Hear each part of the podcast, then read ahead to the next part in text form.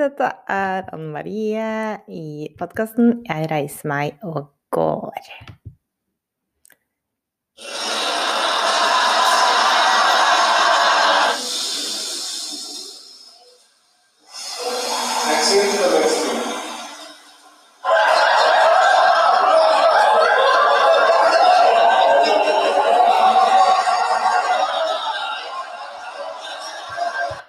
Ok, hva skjedde nå? Det var noe så enkelt som latteryoga.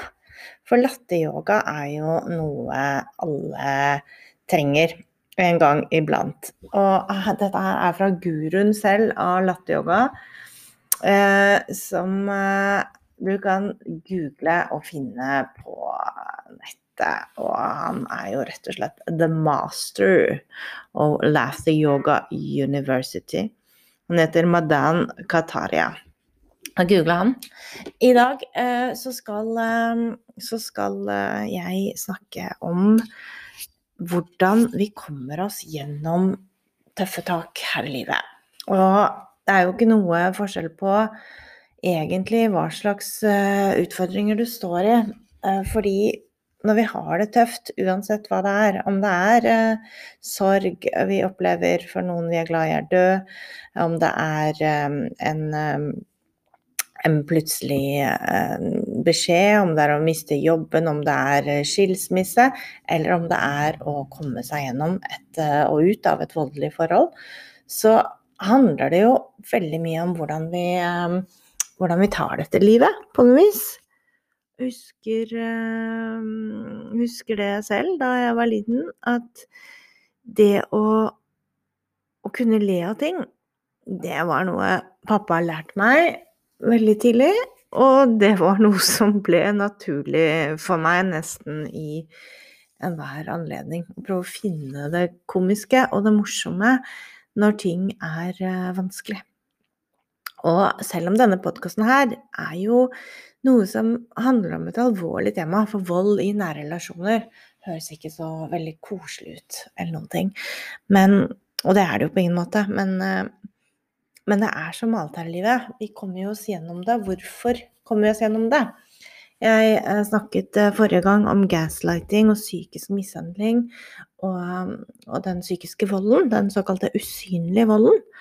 Og det er jo noe som er like viktig, er hvordan vi holder ut i, i det vonde og vanskelige.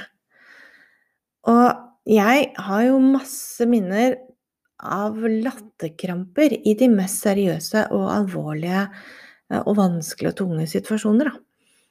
Og du kan sikkert si at latterkramper kan komme av stress og nervøsitet og alt, og det gjør det jo også noen ganger, men det er helt fantastisk. For det får ut all den derre alle de spenningene i kroppen. Så i dag er det rett og slett latter da, det er snakk om. Så jeg håper du er klar til å le, og at du ikke synes det blir et altfor fjollete tema. Og hvis du syns det, så kan jeg bare sitere vår aller store kjære Oscar Wilde, som sa 'Life is too important to be taken seriously'. For det kommer til et visst punkt her i livet hvor du ser at uh, klovnen det er han eller hun som på en måte har rett. De andre som sitter eh, og er seriøse i lange møter og kremter høytidelig av sin egen stemme og er veldig alvorlige, de er på en måte de som går glipp av alle de små nyansene og tingene. Og når det er sånn at et barn ler jeg tror jeg leste noe sånn om at et barn ler kanskje 400 ganger om dagen. Mens en voksen har ganske mye å gå på. Så det å kunne le daglig, og le mange ganger om dagen, og kanskje avbryte en konflikt eller en diskusjon eller noe som begynner å Når ting begynner å tilspisse seg, med latter, det er helt magisk. Og det er um, utrolig både terapeutisk og givende, og ikke minst bare gøy for alle å få den der etterlengta latteren. For den trenger vi. Og den trenger vi når ting er eh, skikkelig, skikkelig surt. Og jeg eh, husker jo selv at eh, kan fortelle litt Nå skal jeg ikke fortelle om eh, det, den gamle tiden igjen med det voldelige og vonde forholdet jeg var i, men jeg skal fortelle litt eh, kortere tid tilbake i tid, da jeg eh, opplevde å miste pappaen min. Han var jo Vi starta med egentlig en en sånn lattermagnet og en person som, som barna bare magisk eh, ble tiltrukket av, og alle mennesker, og som alltid brukte folks fornavn selv om de ikke kjente dem, og ville bli kjent og se deg der du var, og tulle og fjolle, og alt fra å synge og og snakke på gata til uh, slapstick-humor og til de mest sånn der uh, Bare sprite ut i sang. Det er veldig sånn klassisk pappa. Og, og han, han, uh, han hadde på en måte skjønt det. Og det ser jeg jo, og det har jeg tenkt på så mye etter han Han døde jo av helt uventa, helt uten noe forvarsel, da, av hjerneblødning. Og nå har det faktisk gått hele fire år siden. Og for meg så blir jo den dagen 8. mars uh, for fire år sia vil alltid være den dagen pappa døde. Han, uh, han, forsvant jo da som sagt plutselig, brutalt, men ble liggende likevel i tre dager, respirator, på, på um, Ullevål sykehus.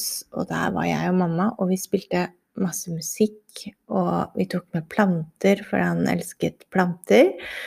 Og spilte masse fransk musikk og all den musikken han elsket, eh, og tok farvel der. Og da kan jeg love deg, akkurat der og da var det ikke så mye latter. Da Da var det veldig brutalt, fordi det var det sjokket. Når, du, når det skjer noe som absolutt ikke er ventet. Men eh, etter at pappa døde, så, så var Mamma hadde allerede vært syk, men hun, eh, hun ble enda dårligere, og hun ble svært alvorlig syk. Og hun eh, Kort tid faktisk etter pappa døde, så holdt mamma på å dø, hun også. Og hun ble lagt inn på sykehus med lungebetennelser, alvorlig. Eh, og det var veldig tøffe tak. Jeg var egentlig som koordinator, pasientkoordinator, løp rundt. Jeg er altså mamma til to gutter og um, alenemamma enebarn og uten stor, stor familie her i Norge. Fordi uh, veldig størstedelen av familien min, de bor i Frankrike. Så det var en veldig sånn eh, tøff, eh, tøff tid. Uh, med lite overskudd, kan man si. Og, og det gikk egentlig med på å være på sykehuset og være der for mamma og passe på barna og prøve å hente meg bitte lite grann inn som ikke alltid var så veldig lett. Men det jeg skulle fram til da, er at um, da mamma holdt på å dø, og hun ble liggende på intensiven og også ble kobla på en respirator, da fikk jo jeg veldig den der eh, flashbacken til pappa. Men heldigvis så Etter lang, lang tid så, så endret det seg, og flere ting skulle gjøres videre med mammas helse. Men eh, det snudde seg til det bedre, og nå er ting bra. Men det som var eh, Når vi skulle frem til, da når hun lå på sykehus, hun ble jo liggende der lenge, så var jo jeg der masse, og det var eh, veldig mye som man gjør når du er i en sånn pressa og stressa situasjon. Og for meg så ble det det å gå rundt på sykehuset og, og finne egentlig. Jeg var i kafeteriaen der, og det var masse sånne fjollete, litt sånn tøysekort. Sånn uh, skikkelig sånn 80-talls kitschy-kort som jeg Som var helt god bedring, og litt sånn eh, enkle tekster som du tenker at det passer så dårlig, men noe litt sånn glossy bilder og noe uh, blomster. Og da ble det mye sånn bildehumor for min del. Mye sånn sende ting til venner. Uh, og, og, så var jeg inne på stillerommet, lata som jeg eh, drev og bråkte masse. Og ja, alt fra medisinutlevering Altså alt sånn der sykehushumor blir veldig fort sånn eh, en del av tilværelsen din, da. Den eh, normalisere tilværelsen din av å være mer eller mindre på et sykehus hele tiden, så, så, må man jo ha noe som gjør at du begynner å le, rett og slett. Så da ble den der humoren med å sende masse ting til venner sånn i sosiale medier, ble veldig viktig for meg. Og, og også le, og le, kunne le høyt, på en måte. For det var veldig mye trist, var mye depressive nyheter eh, til stadighet. Og det var også en liksom maktesløshet-følelse eh, som du får når du er eh, både pårørende og når du er uh, syk selv, da. Fordi du er helt uh, i noen annens uh, andres hender, og du må stole på de legene og sykepleierne, og du er på en måte helt avhengig av andre mennesker. Og det er jo en følelse vi mennesker ofte ikke liker når vi er vant til å klare oss selv. Så da er humor Eh, det Nå var det en lang historie som skulle handle om humor, men, men det, det, har mye å si, da. Hvordan du takler de krisene. Og for meg så, så taklet jeg de ved å le mye. Og lage mye tulle Sånn intern fjollehumor.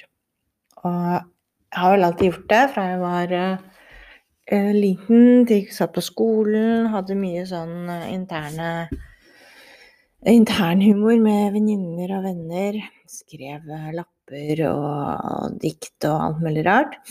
Og på arbeidsplasser også er det jo kjempeviktig med humor. Jeg husker jo f.eks. Eh, all den eh, slapstick-humoren vi drev og holdt med da jeg jobba eh, veldig lenge i A-media som journalist. Og der hadde jo en kollega, Andreas, og vi holdt på med sånn skikkelig slapstick-humor, gå ned i kjelleren. Du vet, så har du sånne hyller sånn i åpent landskap, og så ser det ut som du bare forsvinner ned, at du, du, beveger deg sånn at du farer ned i kjelleren, og mye sånn derre uh, Dunke borti ting og late som man slår seg, og mye sånn bananskallhumor som bare gjør ofte stemningen så veldig mye bedre.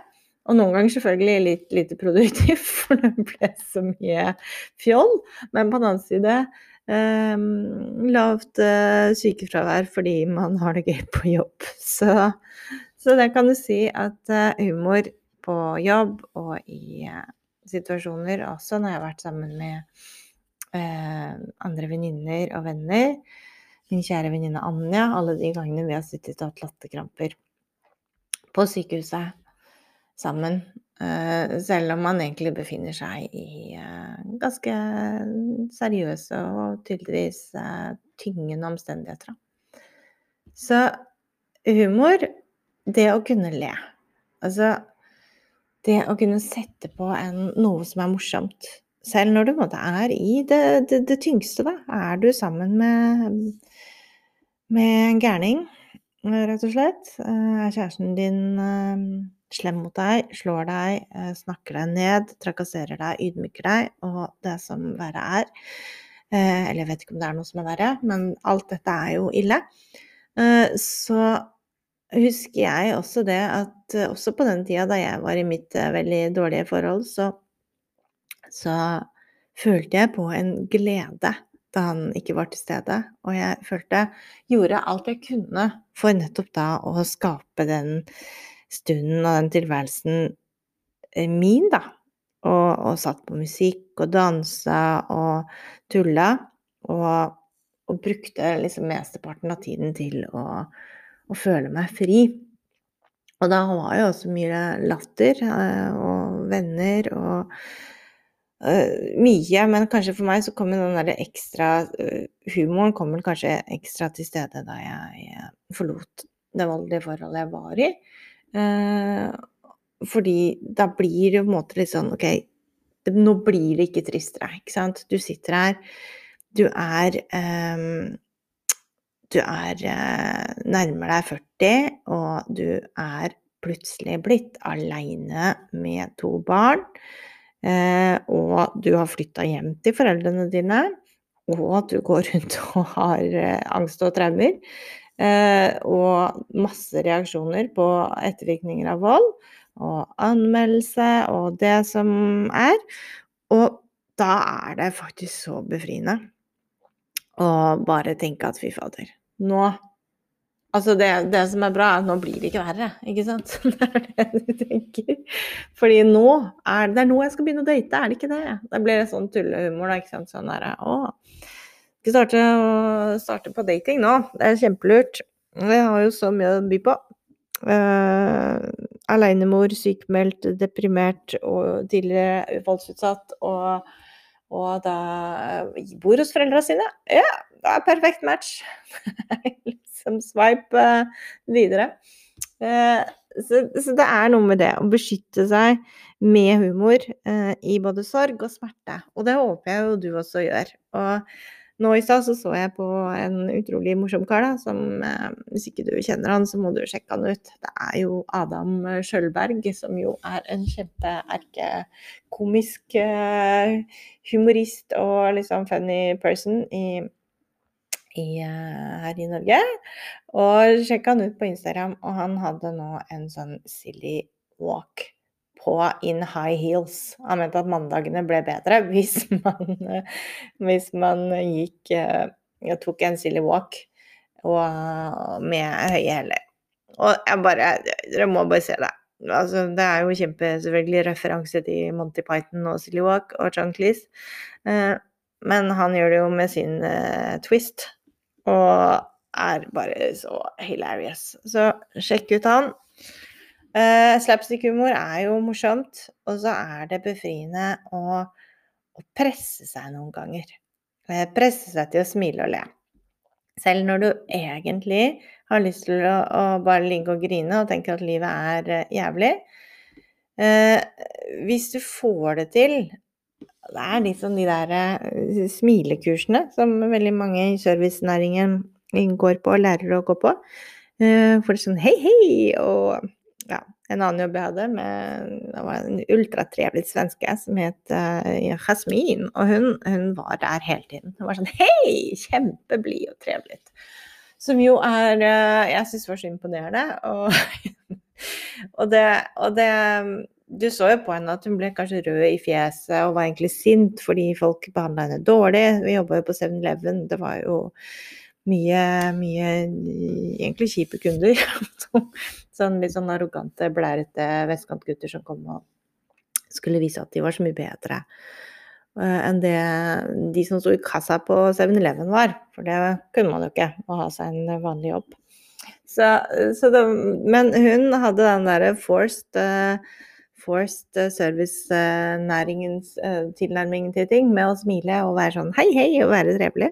Men jeg har faktisk lært litt av det, fordi når du gjør det selv òg, når du egentlig er sånn derre og Altså, jeg, jeg elsker jo, jeg er jo en person som elsker nettopp det, at er jeg trist, så kan jeg sette på tristmusikk, og så kan jeg gråte. Og det syns jeg er en fin renselse i, i ting. Man skal ikke, skal ikke tvinge, eh, tvinge frem den andre latteren, men man kan allikevel ved å bare presse fra de smilemusklene. Bare sånn du sånn, så blir du Du blir automatisk Du begynner å le hvis du smiler, hvis du ser på deg selv i speilet, og så lager du litt sånn grimas, og så begynner du. Og så er du i gang.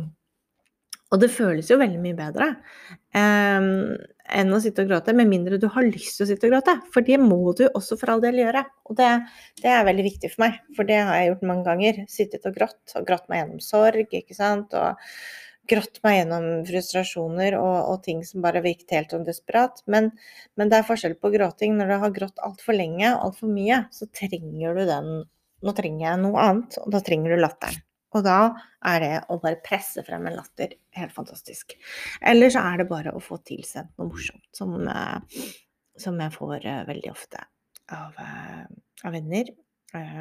På sånn type fjolle-jiffis og og så har det jo Hvis jeg vet at nå trenger jeg litt sånn uplifting, så kan jeg se på Celeste Barber, som er en av mine favoritter av morsomme, uhøytidelige komikere eh, som eh, driver og etterligner modeller, og hun er jo liksom raus, eh, godslig anlagt eh, mor som drikker mye hvitvin og bor i Australia og er liksom motsatt av den veldig polerte Instagram-tilværelsen, så hun gjør veldig narr av dem. Det, så sjekk ut det nå, det er kjempemorsomt. Så hvis man har det dårlig, eh, egentlig, selv når du ligger og kanskje er kjempelei deg og redd, men tenk allikevel at du har, den, du har den styrken i latteren. For hvis du selv presser den frem, eller hvis du oppsøker den, og du ser at den er der, og du finner den, eller du snakker med en morsom venn Altså, det fins jo ikke bedre enn å ha snakket med en morsom venn som får deg til å le. Hvis du er i litt sånn derre åh, dårlig humør. Eller med kjæresten din, da. Sånn kjæresten min får jeg eh, masse Vi ler jo sammen hele tiden. Og og jeg driver jo og tuller med han, men jeg sier også at han må bli standup-komiker. Og han sier at det bare er jeg som ler av uh, vitsen hans, men uh, det er det virkelig ikke. Og han er kjempemorsom. og så er det noe med å bare finne din greie. Hva du syns er gøy, og hva du, du ler av, rett og slett. Og det kan som sagt være små, enkle ting i sosiale medier, eller det kan være bare vanlig sånn slapstick-humor. Kan være bananskall, ikke sant. At noen faller. Selv om det ikke er pent å le, så er det jo veldig gøy når noen faller. Eh, og, og, det å få latterkramper, det er utrolig undervurdert. Jeg, jeg, husker jeg hadde en jobb eh, en gang for langt tilbake eh, som eh, Det var noen av de kjedeligste jobbene jeg har hatt, uh, faktisk. Det var da jeg skulle revolusjonere filmverdenen. Og da var jeg logger, de som sitter og, og registrerer inn alt eh, som blir sagt i et sånn reality-TV-program, var eh, ikke et veldig spennende et. det var eh, en del som løp rundt i villmarken, og så skulle de drive og konkurrere. Og drama Da var liksom loggernes eh, beskjed Vi var sånn åtte som lå nederst på liksom i, i sånn maktpyramiden der. Og vi brukte mesteparten av tiden vår til å sitte og tulle, og ikke minst eh, ta røykepauser. Røyka på den tiden. Eh, og egentlig bare fjolle. Og vi satt jo og hadde sånn kveldsvakter og sånn. Og da var det jo veldig befriende i å få totalt latterkrampe i de settingene som andre bare ikke skjønner hva du ler av engang. Men du blir så sliten fordi det er så kjedelig. Og når ting er så kjedelig, så er det så utrolig lett å le. I hvert fall for meg. Da blir det til at det går automatisk over i latter. Det er sånn som trykkende møter hvor folk som sagt igjen er veldig selvhøytidelige. Da er det lett å bare begynne å le, eller bare si så, finne på noe tull. Så det er liksom å lette den stemningen. Det er, eh, er eh, kjempeviktig. Men eh, da husker jeg i hvert fall at jeg satt på et litt seriøst sånn produksjonsmøte og, og, klarte ikke å slutte å le. Og da var jeg, Anne Marie, og så var det en eh, annen da, kollega som het Inge Marie, husker jeg. Og vi, vi måtte på en måte skilles, da, sånn som man gjør med barn. Jeg måtte gå ut av rommet, og hun, hun klarte ikke å holde seg, så til slutt måtte vi, vi måtte gå på hver vår side, liksom langt unna hverandre. og og de ble veldig irriterte, disse sjefene, fordi vi hadde dårlig tid og skulle på få oss til å jobbe fortest mulig. Og vi var en gjeng med litt sånn fjollete mennesker. Hadde det veldig gøy. Men uh, igjen, uh, latter mot kjedsomhet. Veldig vanlig uh, for min del. Og latter mot sorg, eller i sorgen. Veldig viktig. Og gode minner, da, når du snakker om uh, de du er glad i, som kanskje ikke er der mer. Og selv når du står midt i den mest uh, sinnssyke ulykken eller situasjonen hvor ting skjer, så ser jeg på en måte den derre Ser jeg det komiske i det. Fordi du har jo egentlig ikke noe Du har ikke noe valg hvis ikke du gjør det. Så graver du deg ned hvis du faktisk ser at ok, dette her Nå kan det bare ikke bli verre. Altså hvis du tar den attituden til ting, så så kommer du deg faktisk eh, enklere gjennom det. Selv om det er tøft, så gjør du det allikevel. Og samme i dette et vondt og voldelig forhold. Ta de pustepausene du kan få, inntil du på en måte har kommet deg dit at du har bestemt deg da, for at nå er nok nok. Så har du fortsatt den makten i deg, og det er mye makt i latter og humor og glede. Og å sitte og le høyt for seg selv, det er altså helt fantastisk, fordi du komme på noe rett, og slett kjempemorsomt. Eh, det er, det, er, eh, det er makt i latter. Ja, terapilatter. Eh, jeg starta jo med den latterterapien. Det er jo ganske seriøst. Som et sånn helt konkret noen konkrete øvelser du skal gjøre.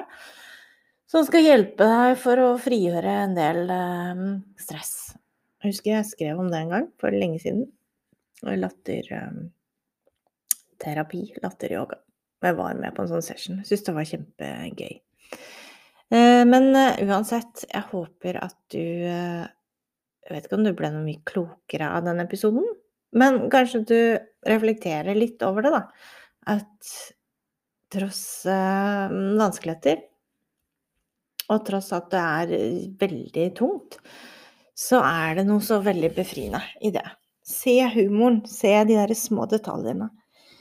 Finn det som kan glede deg, og som kanskje ikke andre skjønner. Det gjør jo ingenting.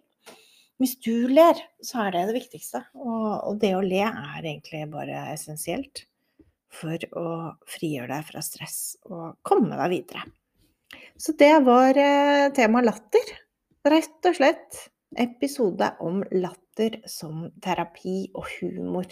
Hvor viktig det er. Og din humor, den kjenner jo du best selv.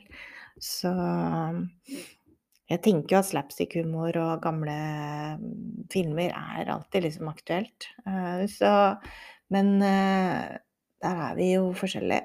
Og, men å få en ordentlig latterkrampe, det, det håper jeg du får denne uka. I dag. Og altså, altså Du må Tenk deg, da. Ha det som mål. At nå skal jeg le hver eneste dag, og jeg skal le sånn godt hver eneste dag. Minst tre ganger om dagen. Det, det klarer du. Det lover jeg deg. Jeg, jeg, jeg vet ikke hvor mye jeg ler, men jeg ler ganske mange ganger.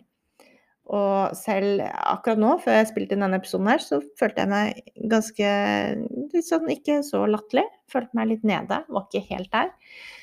Men eh, jeg føler meg bedre allerede. Bare snakker om latter. Og nå skal jeg faktisk eh, se på noe morsomt og le litt. Og det håper jeg du også gjør. Eller bare le for å le. Så ha en latterlig god dag videre, og tenk på den makten du har når du ler. Det er helt fantastisk. OK, ha det bra.